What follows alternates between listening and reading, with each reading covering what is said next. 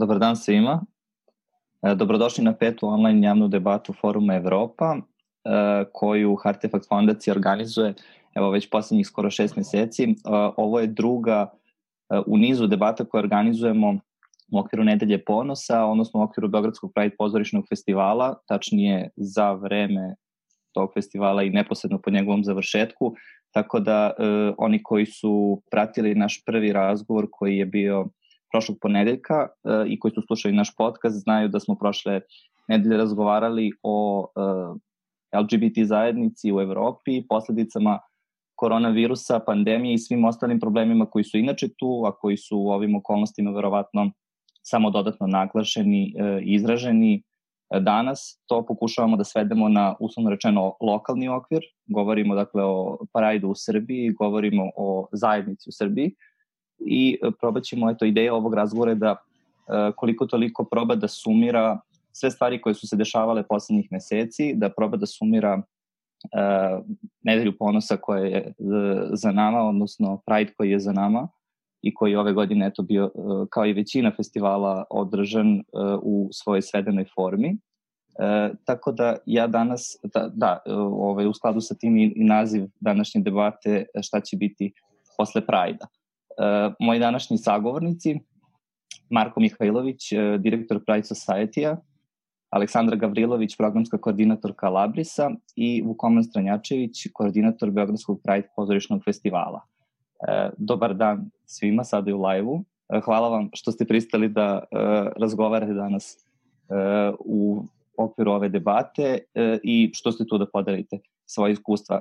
E, ja bih umesto nekog uvoda koji bismo sad možda pravili, gde svako pojedinačno e, bi možda odgovarao na ono što je e, tema ove debate, volao da probamo da se osvrnemo na ono što se, kako se bar meni čini poslednjih dana dosta, o čemu se dosta govori, pogotovo na društvenim mrežama, dosta ljudi je pisalo o, uslovno rečeno, onome što je Pride bio u poslednjih 10 godina, pa su se mnogi nekako osvrtali na 2014. godinu, na prvi na prvu Pride šetnju koja se održala bez nekih većih incidenata, bez nasilja desničarskih grupa i svega što je pratilo e, Pride od 2000. godine. Eto, posle te 2014. godine, narednih pet godina se Pride koliko toliko neometano dešavao, ne možemo reći da je baš neometano u potpunosti, ali to ipak jesu bile bili neki uslovi koji su bili znatno bolji uh, od onoga pre toga i sad evo dolazi ova 2020. godina, dolazi uh, pandemija, opet nešto na što ne možemo da utičemo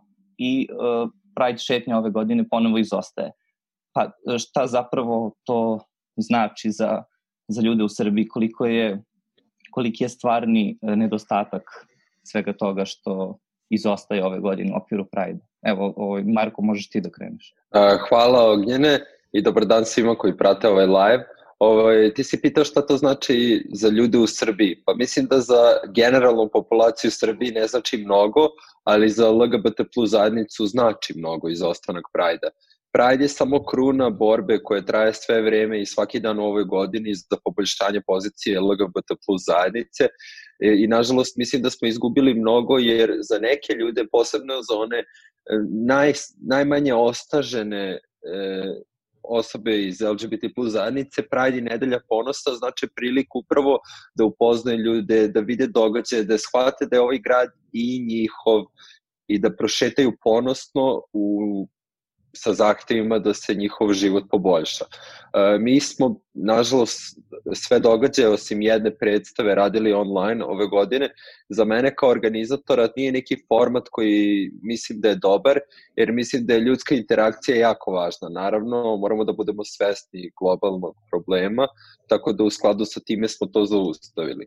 Um, mislim da je Pride morao biti obeležen u nekom obliku, jer upravo u ovim situacijama kada smo svi bili zatvoreni kod kuće, e, to je pogodno tlo za cvetanje e, problema s kojima se suočavaju, na primjer, ljudi koji žive sa homofobičnom porodicom, ljudi koji žive u nekim situacijama koje mogu biti pretnja pod njihovu bezbednost. Eto, to je to od mene. Aleksandra? Slažem se zaista sa Markom, sa svim stvarima koje je rekao, Pride ima izuzetan značaj za LGBT zajednicu. Uh, on podiže vidljivost svih tema koje nas nekako diraju i, i svih onih prava koje nam nedostaju. I višestruko značenje ima kako da podigne diskusiju u široj javnosti i skrene pažnju na probleme zajednice, tako ima upravo i taj drugi ovaj uticaj, a to je da ojača zajednicu, da zajednica zna da nije sama, da one osobe koje žive u nekim mestima gde ne postoji zajednica, gde ne postoje organizacije, prosto znaju da nisu same i nisu usamljene, a sa druge strane negde na koncu stvari u nekoj budućnosti, a i to je neka stvar je da se približi naša kultura i njena raznolikost, nekako kako bi društvo zaista negde na krajnjoj instanciji bilo to koje poštuje i uvažava različito i shvata koliko je zapravo to lepota svega. Tako da nedostatak Pride ove godine mislim da, da se nekako osjeća.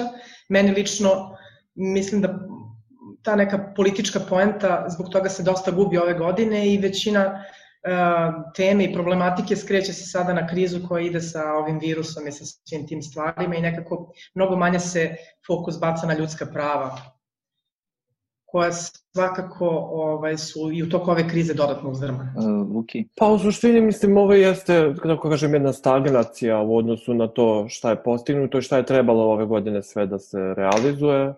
Mislim, nekako iz neke najličnije moguće perspektive, ja sam se toliko radovao ovogodišnjem Prajdu zbog toga što od prošle godine za mene lično je to počelo da poprima nekakve oblike onoga što bih ja voleo da to bude kod nas. A to je to protestna šetnja i platforma ono za sve naše glasove, ovaj, ali i mesto na kome možemo da se radujemo i da budemo, kako kažem, srećni zbog toga što jesmo i vidljivi takvi kakvi jesmo.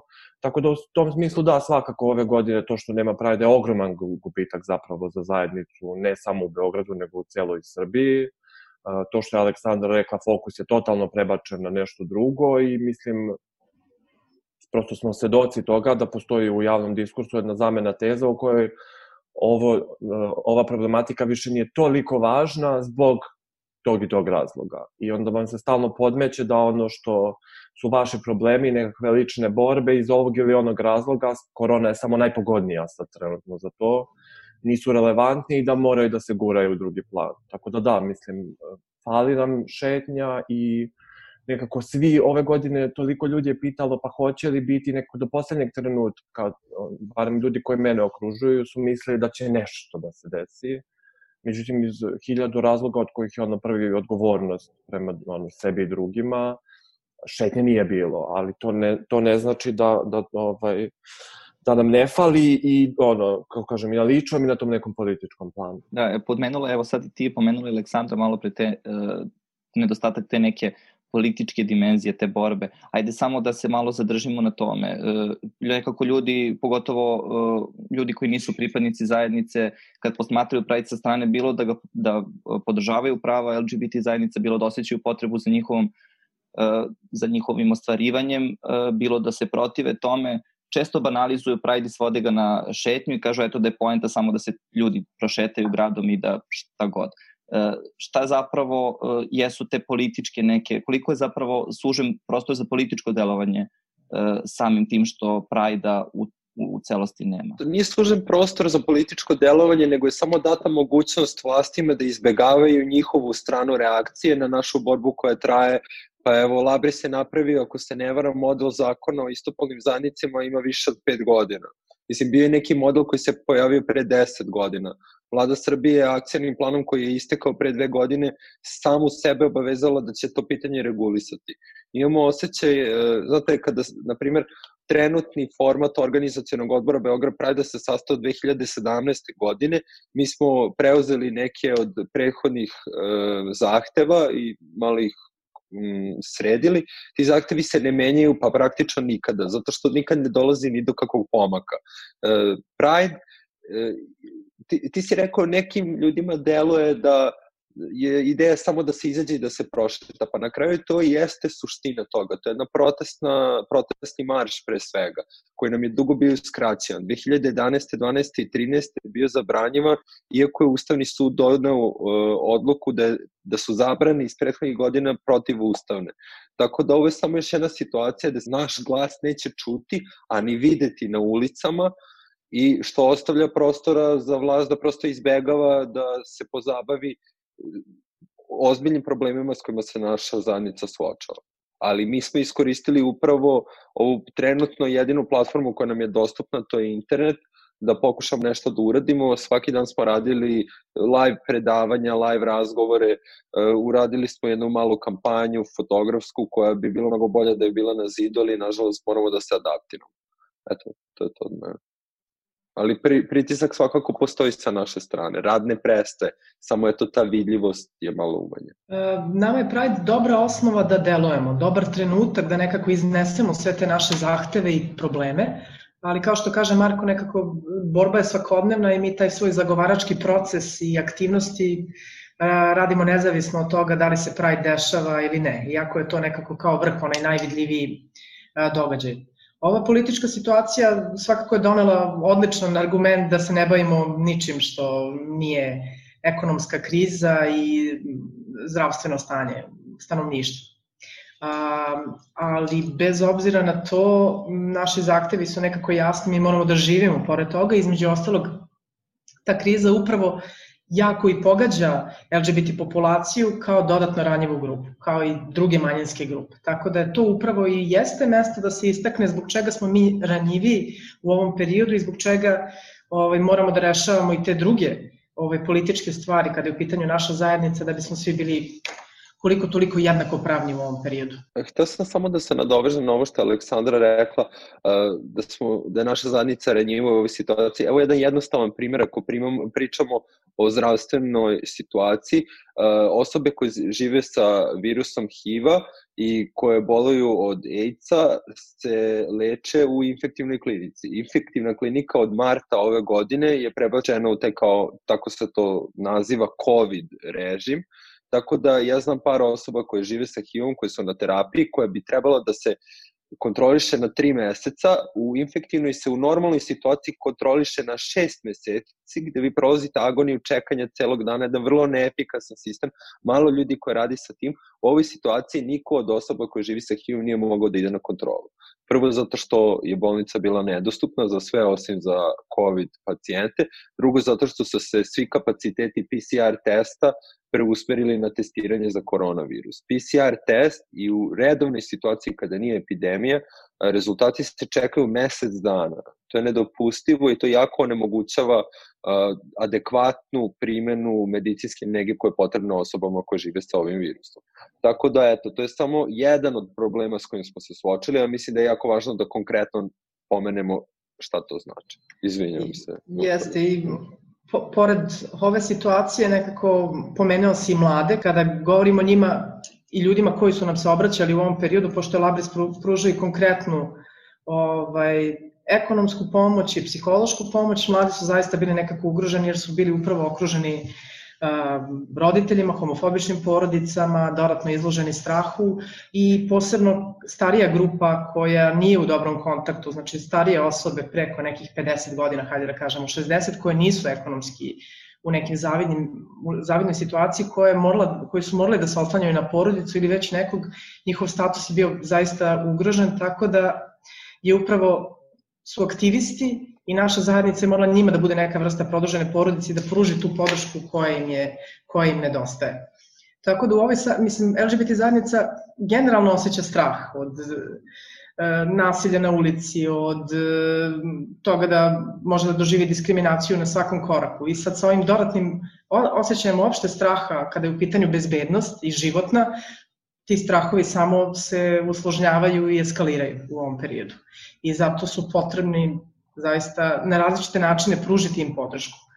Kroz aktivnosti, kroz pomoć, kroz bilo šta. Zato su sve ove aktivnosti oko Pride, bez obzira što se Pride nije dogodio, bitne. Zato je sve ono što i ostale organizacije rade jako značajno. Pa jeste, evo ja samo kratko da se nadovežem, pošto mislim u suštini zaista no, to što ste rekli je to, ali o, o, ja bih se nadovezao na ovo što je Aleksandar rekla, to je da se upravo ovim kriznim situacijama nekako još više na površinu isplivava to šta su zapravo uh, i koja su nam to zapravo prava uskraćena i koliko smo zapravo ovim uh, situacijama još ranjiviji. Baš zbog i to što je Marko rekao, nemogućnost da pristupimo ono zdravstvenoj zaštiti, pa ne znam, gubitak posla, vraćanje u tu neku, ne znam, porodičnu ili bilo kakvu zajednicu u kojoj se vi ne osjećate bezbedno, a kojoj ste prinuđeni da se vratite jer nemate posao, ne možete da plaćate kiriju, prosto nekako, ili ste, kao na primjer ja od straha pobegli iz Beograda zbog korone, ali zna, prosto nekako smo uh, i prinuđeni i izmeštani u neke situacije u kojima ili nemamo kontrolu ili e, živimo pod ogromnim pritiskom, a o tome se u suštini ne priča dovoljno. Mi pričamo, mi radimo na tome, mislim se, sve organizacije na svoj način, ali baš zbog ovoga što se trenutno dešava i tog ultimativnog argumenta, ono o čemu bi trebalo da se priča, a to jesu ono, probleme LGBT zajednice baš u vreme COVID-a, jer generalno, mislim, ne samo LGBT zajednica, prosto sve te ranjive grupe nekako postaju još ranjivije, samo se još više, bare meni još više štrči to šta su te njihove ranjivosti na koje se ono ili ne odgovara ili se uopšte ne bavi.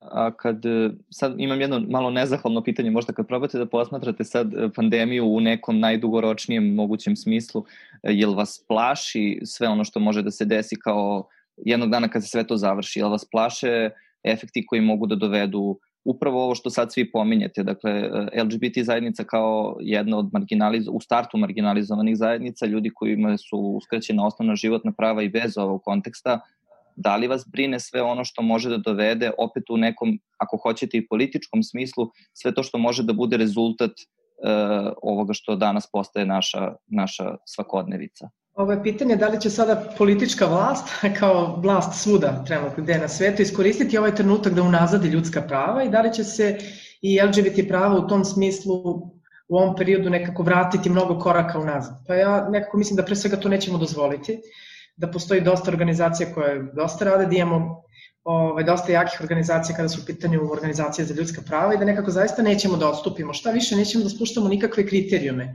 Ovaj, mislim da je ovo dobra osnova da, da se još više razumemo sa opštom populacijom da zapravo možemo više da rezoniramo jedni sa drugima i da shvatimo da smo svi osetljivi i da moramo da poštujemo i uvažavamo jedni druge, ali da nekako od tih svojih političkih ciljeva ne trebamo da, da odustanemo. Ono što se menja i što meni nedostaje, to je taj deo teg nekog živog kontakta. Mislim da ćemo svi morati da budemo dosta fleksibilni u tome kako da to nekako rešimo.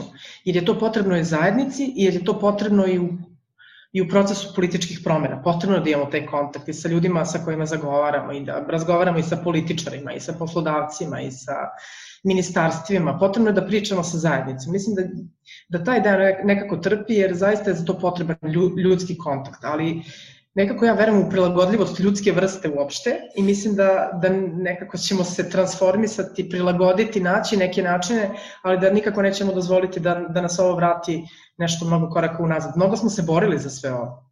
Iako ove promene ne deluju toliko velike, kada se setimo, ne znam, i Pride od pre 10 godina ili uh, samog odnosa javnog mnjenja i svega, nekako ne smemo da dozvolimo da se tako strmoglavo vratimo mnogo daleko. Pa ja se slažem sa Aleksandrom, da, mislim da prvo to nećemo dozvoliti, a oni to, kako kažem, ti pokušaji su se dešavali i pre uh, COVID-a. Mislim, svaka vlast radi ono što ona želi da radi, prosto ako pratiš ono tendencije svuda u svetu, postoji izvesno nazadovanje. To, pojava populizma, desničarskih politika koje boje javno menje, menjaju javni diskurs, ona, ali to je prosto nešto sa čim mi inače živimo i nešto protiv čega se, da tako kažem, stalno borimo. Mislim, COVID samo može da pojača, ne može po meni suštinski da promeni, jer mislim, u ostalom takav nam je prosto taj život da mi stalno iznova moramo da se borimo i stalno iznova da osvajamo ta prava. I korona je to samo prosto podvukla. I ovo što je Aleksandra rekla možda se to i ne vidi toliko ali pomaci definitivno postoje. Ja sam to kad smo radili ovu predstavu pa ne znam to da se prijavi događaj ne znam policiji da bla bla. I sad ja odlazim u policiju, prvi put prijavljam događaj, prvi put uopšte komuniciram sa policijom na tom nivou, to obično rade Marko i neko drugi iz organizacijenog odbora, ja nisam ni znao kako to funkcioniše. I sad odlazim u policiju da primam događaj onako pun nekog ono, u suštini straha kako će to da izgleda i šta me tamo čeka, ali ne na nivou, neće meni niko ništa da uradi, nego kako će ta komunikacija da izgleda. Mislim, ja odlazim tamo, to protiče najnormalnije moguće na svetu, onako toliko normalno da je ono zapravo i smešno. I onako silazim na stepenici i samo razmišljam kao, uh, koliko se i na tom polju napravilo pomaka od toga šta su ljudi kada su prvi put komunicirali s policijom mm. prolazili, kako su im objašnjavali šta rade, šta prijavljuju, što to rade, s kakvim pogledima su se susretali, komentarima, onim usputnim osmesima koji vas izluđuju, jer kao na njih ne možete da reagujete, da ne izgledate kao da niste normalni. Ovaj, tako da mislim, to su sve neke sitne stvari, ali, kako kažem, puno sitnih stvari vodi ka nečemu što je, ono, nadamo se, jedna ogromna. Tako da, mislim, pomaci postoje i tu su, samo prosto treba nastaviti dalje i ne, ono, ne treba posustavati ili odustavati zbog ovakvih stvari koje su se svima desile, pa ćemo da vidimo. Kontakt bitan. U, u tim kontaktima se menjalo sve, zapravo. Ne samo, jeste kroz edukacije i kroz prava koje imamo, ali sva ta prava i sve to ničemu ne služi dokle god ta promena se ne vidi u ljudskom odnosu. Mislim, ona mora da se nekako reflektuje i kroz to. Da, da, meni, ja sam bio, mislim, kako kažem, pun nekih predrasuda prema celoj situaciji, a mislim, za, no, prošlo je tako da su se meni moje predrasude vratile u, li, mislim, u lice. Ja imam jedan strah, a to je da ovo ne postane novo normalno, da ne možemo da izlazimo, da nema ljudskog kontakta, ali nadam se da neće. Ali isto tako mislim da ako pogledamo geopolitičku situaciju gde se stvarno beleži neki porast desničarenja, evo čak i u Evropi, u Poljskoj, situacija sa LGBT plus zajednicom tamo, meni, ja samo mogu i mislim da mi samo možemo da se nadamo da će reakcija na to isto biti u, u, u porastu. Jer ja prosto nadam se i biram da verujem da je u ovom svetu i dalje zdrav razum preovlađe i da ćemo kolektivno, da nećemo dopustiti prosto mržnji da opet preovlada i jednoj destruktivnoj sili koja kao i u svim uh, sistemima gde dominira, služi da prikriva neke malo dublje probleme. Dok je sad si pomenuo taj kolektivizam, kako je, kako je zapravo, da li je onda ta, uslovno rečeno, post, postpandemijska Evropa ili postpandemijski svet, je to neki prostor za neki no, neko novo organizovanje ili novo udruživanje, novu saradnju, imali prostora za to, sad baš zbog toga što, ne znam, neko je od vas pomenuo malo pre, ne znam ko je to tačno bio, e, da zapravo ljudi sada prepoznaju kakva je situacija sa marginalizovanim grupama, možda neposrednije nego ikada. Ja mislim da ne da postoji prostor, nego će biti jedna velika potreba. Ova uh, zdravstvena kriza će uticati na pojavu ekonomske krize, a već vidimo da politički je situacija prilično, pa ne mogu da kažem nestabilna, ali ide u nekom pravcu u kome kao društvo koje se bori za demokratiju se nije nadalo da će ovom stepenu ići u tom pravcu. Tako da ja mislim da neće biti prostor, nego jedna realna potrebna i jedna prosto ono, nećemo moći da izbegnemo tu situaciju, da moramo ujedinjeni da se borimo i za ljudska prava i za sva ostale, sve one ostale popravke sistema koje omogućavaju da život jedne individue bude što mirniji da bude što da pristup pravdi i pristup zakonima bude dostupan svima. Ja se nadam da će ovo otići u tom pravcu. Naravno, možemo i svi da pocrkamo, ali valjda se to neće desiti. Pa mislim, kako kažem, možda više u nekom tom lokalnom kontekstu ili da tako kažem u regionalnom kontekstu. Uh mhm. -huh. Da se sad, mislim, ne, kako kažem, ne odustajem ono, od, ne znam, to je Evropa ili šta, ali mislim da je mnogo važnije to da se mi međusobno podržavamo ovde u regionu i da smo jako, još bolje povezani sad kad, ne znam, su svi otkazali Pride-ove, osim, ne znam, Zagreb Pride-a ili kad već, mislim, kako kažem, ne znamo kako će sledeća godina u tom smislu da nam izgleda, prosto znamo šta želimo od sledeće godine, ono što smo želeli, jel te, i od ove, ali nekako na duže staze moramo da razmišljamo baš na tom regionalnom planu šta ćemo da radimo ukoliko i sledeće godine, na primer, to mhm. ne može da se desi, da li je to onda ne, nekakva ono, već regionalna platforma ili pod kojim se uslovima dešava ili ne dešava. Tako da za mene, mislim, barem lično je to dosta važnije u tom nekom regionalnom kontekstu. Ja mislim da je sad idealna prilika upravo da se iskoristi to. Ja sam pomenula to povećanu senzitivnost kod ljudi raznih oko različitih tema i mislim da treba ovaj, ovaj period baš da to koristiti nekako, da probamo malo više da razumemo jedni druge, da shvatimo kako smo svi podjednako nekako osetljivi i ugroženi, da budemo jedni drugima podrška. A nekako LGBT zajednica i aktivizam je uvek bio primer onog neodustajanja i zapravo i treba da bude primer i drugim pokretima da je i ulica jedno legitimno mesto gde treba pokazivati ovaj, svoje mišljenje, ukazivati i da je to zapravo jedno demokratsko društvo, gde se ono što nama nedostaje, to su ti različiti glasovi. Oni koji se ne slažu i sa Pride-om, takođe ok. Svi oni koji ne, ne ukazuju na nasilje i nisu protiv truđih prava, zar nije, zar, zar nije bogato društvo ono društvo koje je društvo različitosti? A bori se za neke zajedničke ciljeve da nam svima bude bolje. Tako da mislim da na, naš pokret treba upravo i da bude taj neki lider u tom smislu, da ohrabri sve one, jer vidi se da nedostaje taj, i kako se vrlo lako uguše sve drugačija politička mišljenja. I to ne ovde, nego svuda u Evropi, kako to polako, malo kao, kao neka vatrica se zapali i iskoristi se ova kriza da sve to nestane. I onda upravo imamo te stvari da je jednoumlje, da jednostavno nema ničega, nema progresa i sve ustajalo, upravo zbog toga. Da, jednoumnje ili inercija, to je sad inercija, dobro pitanje. Da. Ali ovaj, e, sad zanima me e, kako, jel ima e, smisla ta neka sintagma koja postoji, koju sam i ja sad ću ovde navesti, to je taj neki novi aktivizam. Kako se, evo sad si rekla, ulica je sasvim legitimno mesto za pokazivanje nezadovoljstva, to je potpuno demokratski validna procedura za, za traženje prava, ali e, sad nema ulice i ok, e, rekli smo svi programi, svi e, kanali komunikacije su izmešteni na internet, sve je postalo u velikoj meri digitalno, ali šta to zapravo znači za te aktivističke prakse? Kako će se one menjati, da li će se menjati i da li uopšte treba ići u tom smeru, da li treba tragati za nekim novim izrazima ili zapravo ključ u prilagođavanju? Ja definitivno mislim da treba i, mislim, i tragati za novim i koristiti resurse koje imamo. Ovaj, vidi se to i sa eko ovaj, aktivizmom i svim tim stvarima koje je sad možda i najaktivniji, to potpisivanje silnih peticija upravo za ta prava, a ja nekako idem iz naših ličnih iskustava. Mi smo velike promene zagovaračke napravili kroz online aktivizam kada su građani videli da mogu i na taj način da dovedu do neke promene. Ovaj, nama je online aktivizam kroz te online peticije i silnom pritisak koji je bio kroz te kanale doveo do promenu i izmenu diskriminatornog sadržaja iz srednjoškolskih učbenika. Znači, mhm. prosto postoji način, samo je bitno da zaista taj... Prvo da, da ljudi ovaj, misle i osete da mogu nešto da menjaju. To je ono što trenutno ljudi misle da njihov glas, njihovo mišljenje, njihovo zalaganje nigde ne vodi, da je sve to toliko dugo isto i da nema nikakvih mogućnosti, prosto da poveruju da zaista mogu da promene stvari i da je njihov glas važan. Tako da u tom smislu taj novi aktivizam je možda i ta stara ideja, to je to nekako da se obični ljudi uključe i da veruju da mogu da menjaju stvari.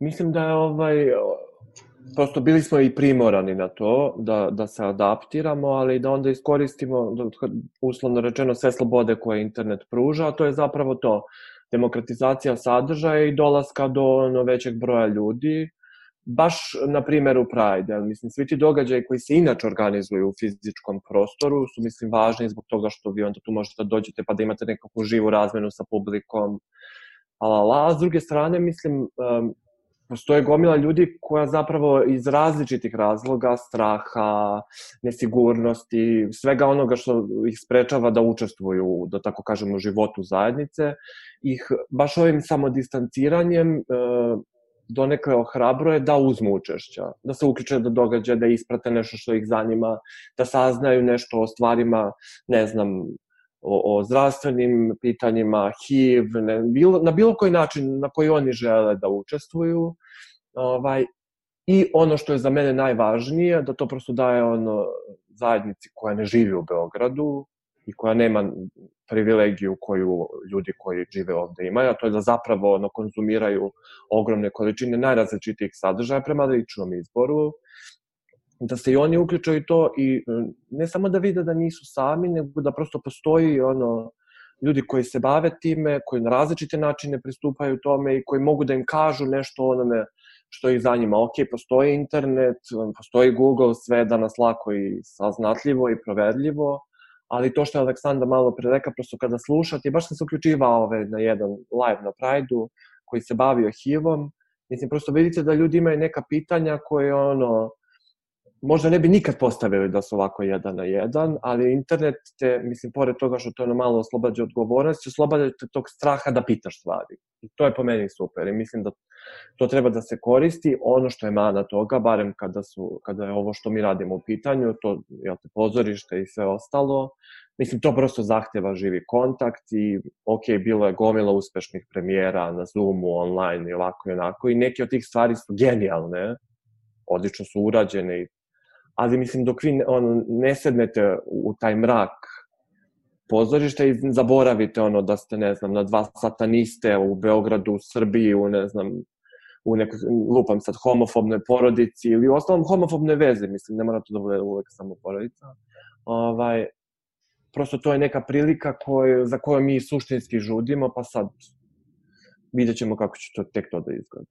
Da, ja se slažem, ne bih imao mnogo toga da dodam, jedino što se ne slažem je ne mislim da je korišćenje interneta novi aktivizam, ovaj, mislim da ljudi koriste svaku moguću priliku da rašire, da podignu svest o stvarima koje su im važne, u našoj slučaju to su ljudska prava LGBT plus zajednice, ali uh, upravo se slažem sa Vukomanom. Iako ne smemo da pocenimo uh, to što nam internet daje, to je ono mogućnost dolaženja do većeg broja ljudi, ta anonimnost koju on nudi, mogućnost da se ljudi uključe bez da su fizički prisutni. Ja mislim da je ta fizička komponenta e, zapravo jako važna. Ja sam veliki komponent autovanja kao nečega što mislim da svaka LGBT plus osoba treba da uradi, pre svega zbog sebe i nikada neću zaboraviti kako je meni bilo, na primjer, na mom prvom Bride-u, Beograd Bride-u 2015. 14. nisam mogao da idem, Um, jako je važno doći, shvatiti da je ovo naš grad, da izlaziš pod tom parolom, ja sam deo zajednice, borim se za sebe i mislim da tu vrstu iskustva ništa cyber ne može, bar za sada, da zameni ali mnogi velike stvari su se uradile preko interneta.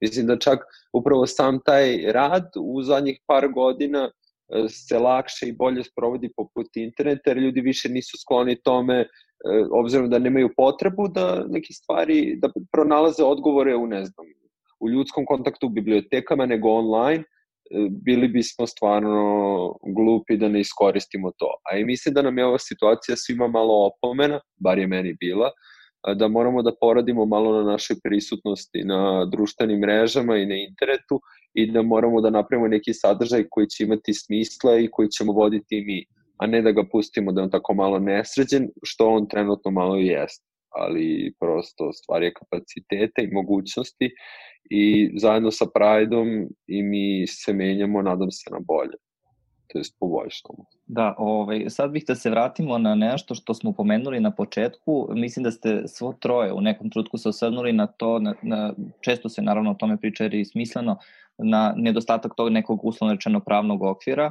Dakle, evo, i u regionu se dešavaju neke stvari koje e, nekako idu na, na istu vodenicu. U Hrvatskoj, ceo ovaj slučaj koji poslednjih par meseci e, su, verujem, svi pratili, oko e, istopolnih zajednica, njihovih mogućnosti za usvajanje dece. E, u Srbiji se, eto, pomenuo sam tu 2014. godinu, postoje neki zakoni koji su usvojeni u Srbiji, koji isprečavaju diskriminaciju LGBT plus osoba u medijima, u javnom diskursu i tako dalje. Ono što je uvek pitanje sa zakonima je koliko se oni sprovode, to je svakako prvo moje pitanje, a drugo, ove, koje su sad um, koje su recimo goruća e, pitanja, koji su neki osnovni e, pravci vašeg zagovaranja i zagovaranja uopšte koji bi zapravo tu trebali da budu prioritet u, u budućnosti. Evo, Aleksandra, možeš ti možda, s obzirom na to da Labris... Da,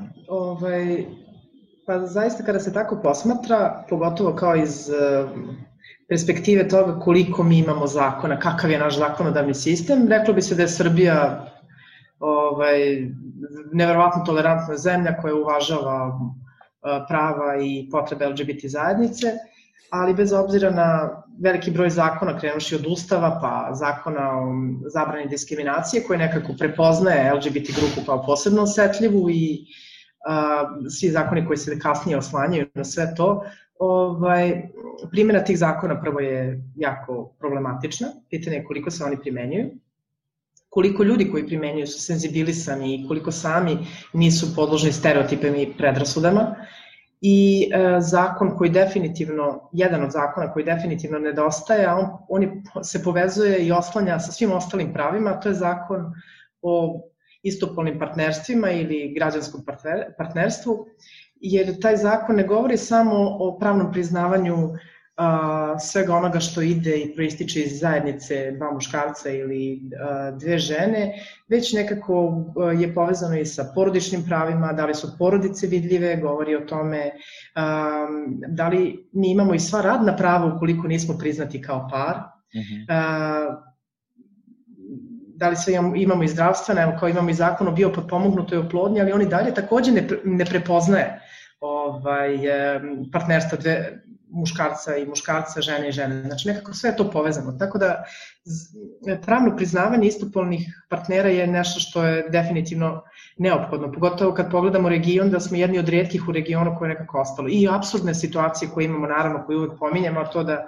imamo ovaj, javno autovanu premijerku koja je u partnerstvu o kome se govorilo u javnosti, ima porodicu šta više, a da je pravno nepriznato da, zapravo e, njena pozicija kao druge majke je apsolutno nevidljiva, da je njihovo partnerstvo nevidljivo, a one se nalaze u nekoj poziciji moći. Šta se dešava ovaj, ako idemo dalje sa svim tim običnim ljudima i nam, nama ovaj, koji mo, nemamo uh, toliko moći? Šta, šta to sve ovaj, povlači sa sobom? Mislim, pored te neke emotivne sigurnosti i bezbednosti, radi se i o zdravstvenim pravima, socijalnoj zaštiti, nasleđivanju i gomili drugih nekako stvari. Uh, Geten takođe već dugo ovaj, uh, se zalaže za zakon o rodnom identitetu i pravnom priznavanju položaja interseks osoba, znači to je takođe nešto što nedostaje. Uh, Zatim, kada je u pitanju nasilje nad LGBT osobom, traži se nekako adekvatnije reagovanje i e, veća senzibilizacija tužilaštva da primenjuje zapravo zakon, e, član o zločinu izmržnje. Ono što takođe nekako možda nedostaje, a to je taj deo koji sam pomenula, odnosi se na biopodpomognutu oplodnju, gde je jedino kao single ženama dozvoljeno da imaju beneficije iz tog dok su lezbijke, ukoliko bi se autovale kao takve, potpuno nemaju pristup tome. Tako da tu ima gomila stvari, ali mislim da je ovde ovo nekako ključno, da je to pitanje bezbednosti, pitanja pravnog priznavanja istopolnih partnerstava ovaj, i ono što ide iz toga, to su radna prava koje nekako se isto povezuju sa tim. Možda će Marko imati nešto da doda još, ja mislim da su ovo nekako ključne neki kao stvari. Naravno, ja nemam šta da dodam uh, na ovo što Aleksandra rekla, to je ono, i za iste stvari se borimo godinama, nema tu mnogo nekih inovativnosti. Jedino što bih ja naglasio pored usvajanja potrebne legislative, to je da se poštoje uh, trenutno nemoguće da zločin iz mržnje koji postoji kategorija od 2014. ili kad već, da je dva puta iskorišćen u slučaju, kao državajući okolnost u slučaju napada na LGBT plus osobu. Evo ja mogu da vam nabrojim 10 slučajeva koji se desilo mojim prijateljima u zadnje godinu dana. Tužno je što sa propadanjem ovog društva propada, to jest do propadanja ovog društva dovodi propadanje upravo tog sistema koji bi trebao da služi da nas štiti. Kada imate nefunkcionalne sudove i svi znamo da bukvalno svako ko ne treba mnogo truda da se da slučaj zastari. Nefunkcionalni sudovi, e, ljudi koji su neobrazovani, partokratija, sve to ono što dovodi do užasnog života za sve nas u ovoj zemlji, a posebno za nas koji već imamo u startu e, neki položaj koji je ispod proseka onoga što prosečno. Mislim, znate što hoću da kažem. Tako da to je to što se mene tiče. Prime, ono, guramo na istopolne zajednice zato što je to samo simbol. To je nešto što je dugo ljudima bilo trn u oku. Kad to prevaziđemo, valjda će biti lakše kad ljudi shvate da ne postaju magič od jednog njihova deca. Jej, da ne znam nija šta se dešava, valjda će se ljudi pribrati i ono, valjda će normalizacija našeg položaja malo ići brže i bolje. Bar se nadamo, ali ko zna. A to je neko priznavanje realnosti, jer Pa da. LGBT parovi, to je lezbijski gej parovi su realnost odavno i porodice sa decom i gomila nas živi nekako potpuno bespravljeno u ovom društvu. Pa da, mene to, pošto sam ja skoro, mislim, nisam neka osoba od prava u tom smislu da sad poznajem zakone i ne znam ti nija šta, ali sam baš uzeo i dok sam se malo spremao za debatu da pročitam predlog zakona o istopolnim partnerstvima, da sad tako čitam, čitam, čitam.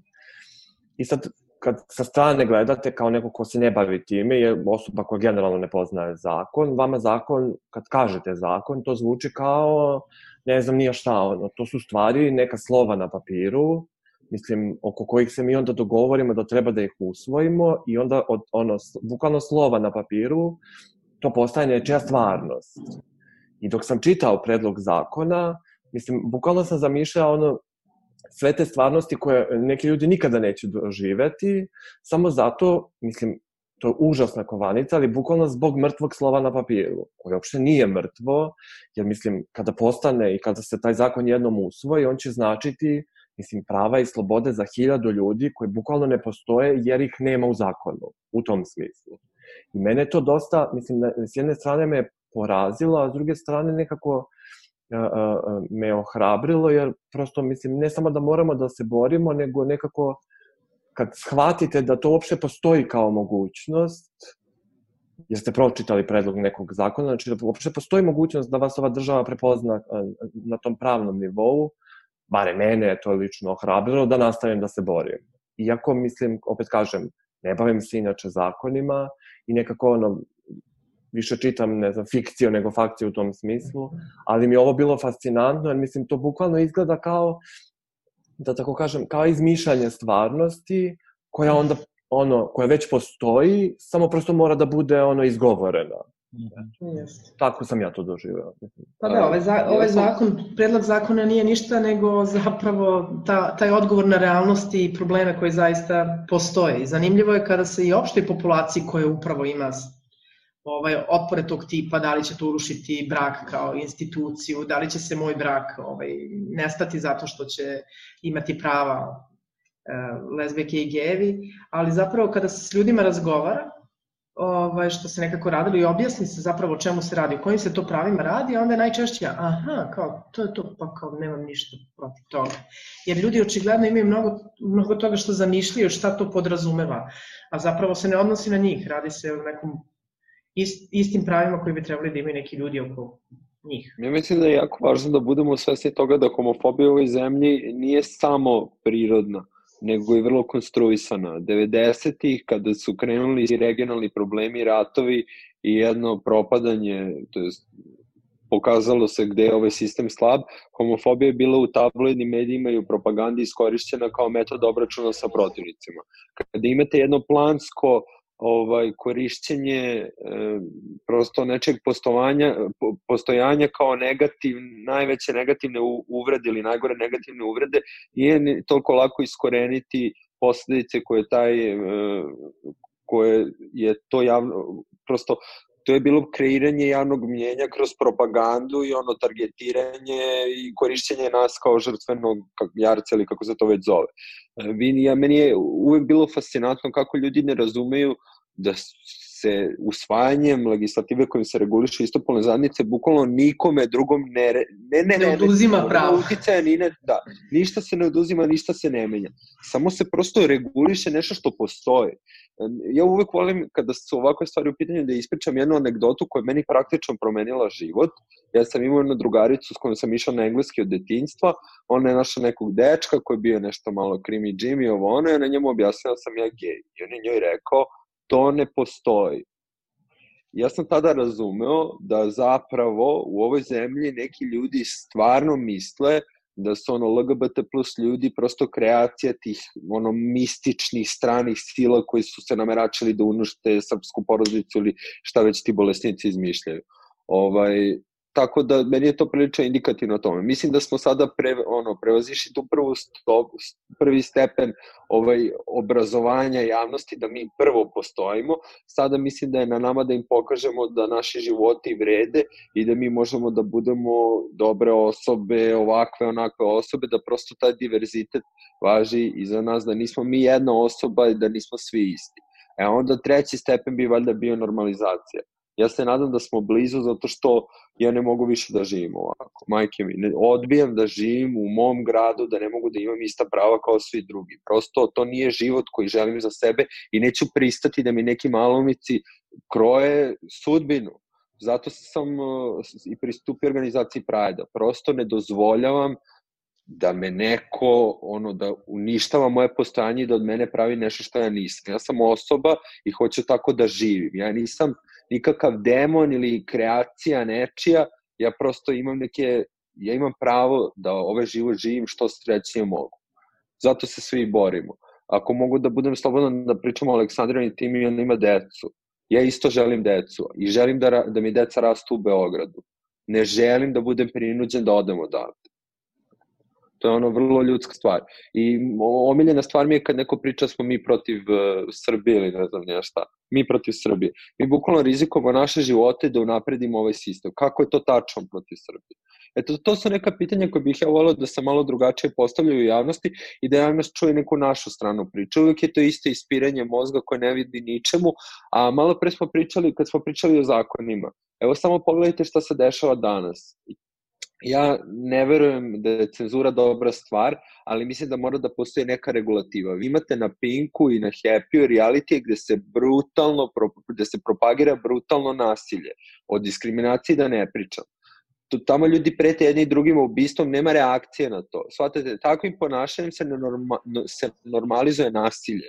Zato što ako vi, ja ne mogu da me zamislim samo neko dete, pošto sigurno ima roditelji ko puštaju decu da gledaju te stvari, koje gleda tako ponašanje, da jedni drugi nazivaju, ne znam, bederima, kurvama, šiptarima ili šta već na nacionalnoj frekvenciji, da se biju, mlate i da prete jedni drugi nasiljem bez ikakve reakcije, pa šta, šta, šta, to deće će baš da razume vre, važnost nenasilja, mirne komunikacije. Ne, Ovo je isto samo jedna podloga da se unese nemir u ovo društvo kako bi se prikrili oni stvarni problemi. A to se ona brutalna korupcija, jedna kriminogena vlast koji se mora stati na put. Mi uvek nekako sa Prideom se trudimo da budemo politički neutralni kako ne bismo bili ono odstranjeni od strane vlasti ili kako bismo zapravo zadržali neku vrstu ono mogućnosti da, da naša kritika bude osnovana, ali ja mislim da je ovo došlo trenutak kada mi moramo da izaberemo neku stranu koje to vrednosti mi podržavamo. Ovako društvo i ovaj pravac u kome se ovo raz, razvija gde nema nikakve odgovornosti, ni za čije postupke. Posebno ljudi čiji postupci direktno utiču na naše živote, a to je vlast, ja mislim da mi moramo da budemo bar lider u tom frontu da se ovo, ova agonija zaustavi. Izvinjam se ako sam se malo raspenio, ako sam otišao, ali sam se uzbudio zato što ja sam jako da isfrustriran. Ja mislim da je jako značajno. Mislim, obe, ove stvari koje pomenjaš, a to je nekako i taj, ti mediji i njihov uticaj i značaj istorijski, znači od tih prikaza naših tema pa do današnjeg dana i zapravo sve to kroz to političko konstruisanje i korišćenje ovih tema. Ja mislim da je, i to stalno pominjem, ja mislim da je ovaj, uopšte LGBT pokret, eh, partnerstva, Pride, uvek kao i Kosovo korišćeno u tim najškakljivijim momentima kako bi se uzela moć ovaj, ili napao politički protivnik. I da to, nažalost, nije razlika samo sada, nego je bilo tako i u vreme demokrata ili bilo kojih opcije. I to je ono što je nekako strašno, što je, zaista se manipuliše ovaj, značajnim ljudskim životima ovaj, kroz, kroz pokušaj da se dođe do neke moći. Tako da, bilo kroz pink washing, to prikazivanje kako je društvo super, evo vidite kako su nam LGBT prava, ili kroz napad protivnika, kako eto, oni se zalažu za to, a mi ne, oni bi, mislim, tako da politička situacija uvek koristi naše teme, a mi nemamo druge opcije nego da se nekako borimo, imamo jasan stav, ali nažalost uvek moramo da imamo tu neku komunikaciju sa onima koji su na vlasti sada, juče ili kako god da bi došli do neke promene. Pa mislim, ja se slažem stvarno sa svim rečenim i nemamo, mogu samo na ovo što je Aleksandra o medijima pričala, mislim da Pride u tom smislu jeste dobar, e, baš zbog te, tog pojavljivanja u medijima, mislim, kako kažem, mediji između ostalog i to je ono što je Marko govorio, zapravo kreiraju i našu sliku i u suštini našu realnost, baš kroz to izveštavanje i neizveštavanje, kroz tu tabloidizaciju, e, da se to koristi, da se ne samo sklanja ono sa, e, sa važnijih tema, nego i to vređanje drugog, mislim, e, ti u izveštajima, ono kad si stiže press clipping, ne znam, da se dešava Pride, ne znam, počeo je Pride Week, ne znam, la, la, od 10 članaka sigurno će da ispadne jedan u kome se neko, nebitno da li je to reality, da li je političar, da li šta god da je neka javna osoba, ili se, ne znam, spočitava homoseksualnost, ili ne znam, na neki drugi način, ili je upleteno u neku aferu, ili nešto, znači to prosto ono, to je bukvalno mač sa dve oštrice, koje, mislim, mi koristimo i koji koriste protiv nas. Ja mislim da treba da ga koristimo i meni se to generalno dopada. Mediji su se navikli na to da se pravi dešava godišnje, njih to zanima, jer naravno puno klikova i svega, ali prosto postoje i promene u, u tom sektoru, ali nekako, e, ne znam, evo, mi smo ove godine, mislim, nije to nikakav istorijski uspeh, naravno, ali e, o Prajdu se pričalo u jutarnjem programu na RTS-u nedeljom ujutru. Znači sad samo zamislite da ustajete ono kao što ja inače obično rano ustajem i ne znam to sedite s mamama i s tatom, s babama i dedama i ono palite TV i neko objašnjava kako ne znam se pravi ne dešava ove godine ali dešava se sad šta sam već uzeo tamo da ispričam i to mislim kažem, nije to nikakva istorijska pobeda, nismo mi osvojili svet zato što sam se ja pojavio u jutarnjem programu na RTS-u, ali to znači da će sledeće godine neko drugi da bude, ili u jutarnjem programu, ili u bilo kojem, mislim, možda bude u magazinu Oko, pa priča ono sat i po vremena ekstenzivno o tome šta su nam problemi, jer mislim, htjeli mi ili ne, RTS prosto svi gledaju, to je nešto ono, nacionalna frekvencija, nacionalna televizija, i mislim, to su barem za mene važne stvari. E sad opet kažem, to ima puno negativnih strana, a to je to tabloidno izveštavanje, korišćenje, ne znam, Jevi ponovo u Beogradu ili ne znam, opet parada, pa znak pitanja, pa sad tako ono hiljadu nekih, nekih tema. Ali mislim da mi zapravo moramo da budemo i mudri i lukavi, u suštini jako lukavi, a to je da način na koji se oni koriste time protiv nas, ne da se mi koristimo time protiv njih, nego da to koristimo za nas.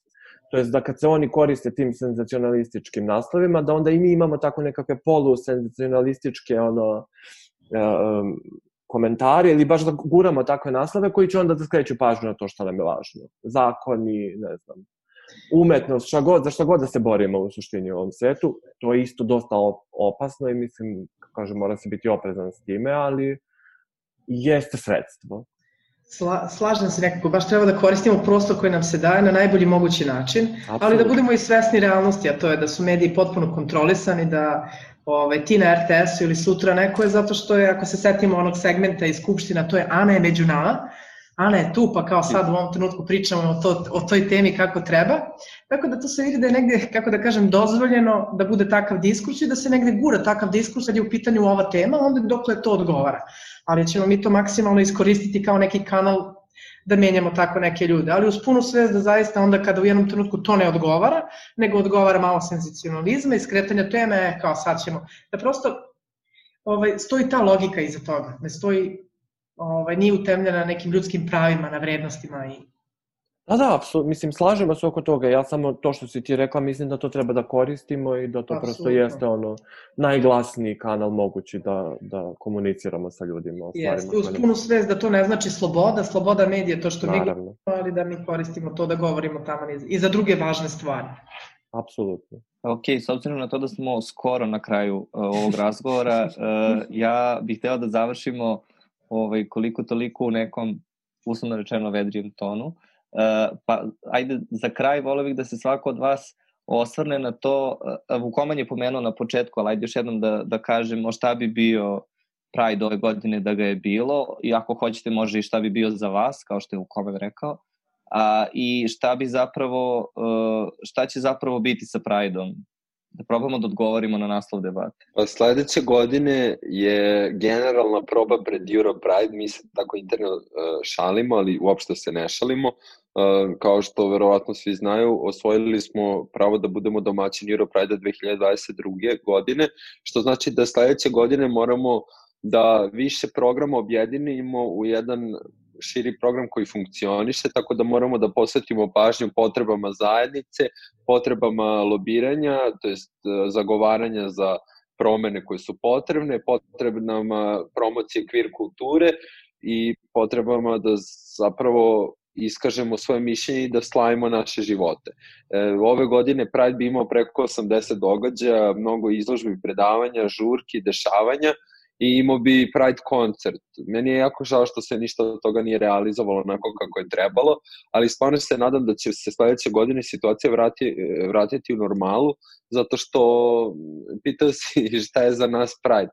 Pa otprilike u ovo vreme ja bih proživljavao svoj 19. dnevni slom, ovaj, obzirom da je kao danas je prvi dan posle Pride vika, verovatno bih eto tu bio izvrnut na nekom krevetu i ono plakao bih od sreće i od stresa, gledao bih na Instagramu šta su ljudi kačili i bio, ono, bio bi jedan ambivalentan osjećaj za organizaciju Pride je potrebno mnogo energije, mnogo snage, mnogo truda i rada, ali kada se sve to završi, e, osjećaj zahvalnosti je uh, prosto jako snažan i ispunjuje do kraja i to je ono što nas gura iz godine u godinu. Ja svake godine završim u bolnici zbog čega već, ali uglavnom zbog iscrpljenosti, ali uvek se isplati zato što kada vidite sve te ljude koji su došli uglavnom, ja najviše volim da, bir, da posvetim moju pažnju ljudima koji su došli da se provedu, jer su oni uglavnom najglasniji onako najviše slave i onda kad vidite da taj, pro, da taj program ide kako treba, da ljudi uživaju, kad imaju dobre komentare, dobre reakcije, ili kada je nekom prvi put na Pride i onda sve to vidi ovaj, onako izbliza i oseti tu energiju, to je jedan osjećaj koji prosto je to, daj vam kredit još godinu dana da se trudite i da napravite nešto bolje. Um, ja ću sada, u narednom periodu ćemo imati neke inovativnosti koje će služiti kao pripreme za sledeći Pride koji će biti u, septembru, u septembru 21. Ja mislim oktobar, novembar objavit ćemo, uradit ćemo taj neki novi deo programa, pa ne bih, eto, mala najava, neću da kažem šta je, bit će samo vrlo zanimljivo. Evo, da, mogu ja. Za mene bi ove godine Pride značio da zapravo imamo ono, šest uh, inostranih predstava ovde i nekakvih šest uh, priča koje, se, koje smo mi tako selektovali da baš onako, mislim, pokrivaju praktično čitavu zajednicu, odnosno da se bave različitim izazovima s kojima se članovi zajednice suočavaju, da li to, ne znam, pitanje invaliditeta, uh, ne, HIV, osobe koje žive sa HIV-om, lezbijski parovi, ne znam, gej parovi koji usvajaju decu, svega je tu bilo. I mislim, to što Marko kaže, ja bi isto verovatno bio dosta pregoreo ovaj, i kao proveravao bih telefon da ne znam da li mi se poslednja trupa koja je ono jutro otišla na aerodrom javila da je stigla i da je to sad kao sve u redu. Mi smo ove godine izveli festival dosta smanjenom obimu, jedna pre, fina mrtve djevojke su se samo igrale. Meni je to bilo važno, mislim, zato što je to genijalna predstava inače. Ovaj, a i baš zato što se praktično ništa u fizičkom prostoru, prostoru nije dešavalo, je to bilo super što su ljudi ipak imali priliku da dođu na nešto. To naravno nije zamena za Pride, nije zamena za šetnju, nije to ni poenta, ali jeste jedna mala šansa da se ono nakon meseci, meseci neviđanja vidimo, mislim, u pozorištu što nama je nešto što, tako kažem, prirodno i to, A šta očekujem za Pride sledeće godine? Pa mislim da nekako ostvarimo sve to što smo zamišljali za ovu godinu, pa nismo do kraja, to jest jesmo domislili, ali nismo doživeli i da mislim nastavimo da razvijamo festival tako da prosto ono bude što inkluzivniji i da predstavama koje selektujemo i trupama s kojima sarađujemo pravimo tu nekakvu širu platformu za neke nove produkcije i neke nove stvari baš u tom pozorišnom smislu a koje će da budu važne zajednici. Baš um, jedno od tih pitanja, to sad kad je bio taj RTS famozni, jeste šta zapravo ovaj festival znači široj zajednici. Znači ne ljudima koji su LGBT, la, pa mislim, može da im ne znači ništa, i mislim, kako kažem, ideja je da zapravo svima nešto znači, da to bude jedan festival na koji ćete vi da dolazite da gledate dobre predstave, koje se naravno bave LGBT tematikom, ali meni je barem za sada, najvažnije je da to zajednici ne, nešto znači i da to sa zajednicom komunicira. Baš zato što, iako kod nas u pozorištu generalno postoje, mislim, sve više predstava koje se bave tom tematikom i time, da vi prosto znate ono, da jednom godišnje možete da odete negde, da ćete da pogledate predstave koje uh, će da komuniciraju s time šta vas tišti, mislim, šta vas žulja u krajnjem Tako da, eto, to je, to je nešto što ja očekujem od Pride-a 2021. E, za mene Pride ove godine bi značio to jedno značajno mesto a, da skrenemo javnosti i onima koji donose odluke na bitna pitanja, da im kažemo šta nam je važno, šta je ono što nam nedostaje i da nekako široj javnosti pokažemo da smo obični ljudi, normalni ljudi koji su hrabri i zastupaju svoje prava i da je to nešto što trebaju i oni da rade. Da je biti različit jedan kvalitet i jedna lepota našeg društva kako treba da bude. A ono što mislim za budući Pride, mislim da će ovo sve što se dogodilo i ova kriza i ovo menjanje ovih aktivnosti zapravo pokazati da nam je neophodna ulica, da nam je svima treba ulica, da nam svima treba prostor, forumi gde možemo da govorimo i glasno mislimo, da će samo jačati ideju i prajda i aktivizma uopšte, da ćemo shvatiti da moramo da nekako budemo povezani i da će nekim obični ljudi shvatiti da su oni značajni i najznačajniji u tom procesu i da, da je potrebno da se uključe. Da će zapravo ova energija samo da se ojača, a ne oslabi ovom pauzom, kako bi moglo da se nazove. To je neko moje mišljenje. E, hvala vam puno e, svo troma što ste izdvojili vreme da učestvujete danas i da govorite i e, ja sam stvarno uživao, nadam se da su ljudi koji su nas slušali. Samo bih da podsjetim eto da će ovaj razgovor biti objavljeni na Remarker Media u formi podcasta vrlo brzo, tako da će oni koji nas nisu slušali moći da ga, e, da ga nađu tu. Forum Evropa će se e, uskoro vratiti sa narednim e, debatama. Sada ćemo napraviti par nedelja pauze, ali svakako ovaj, za sve informacije koje vas budu zanimale možete da pratite Hartefaktove stranice na društvenim mrežama i naravno Hartefakto sajt. E, hvala vam još jednom što ste učestvovali danas i, i eto, nadam se da ćemo imati priliku da ponovo razgovaramo o svim ovim stvarima nekom drugom priliku. Hvala. Hvala. Ćao.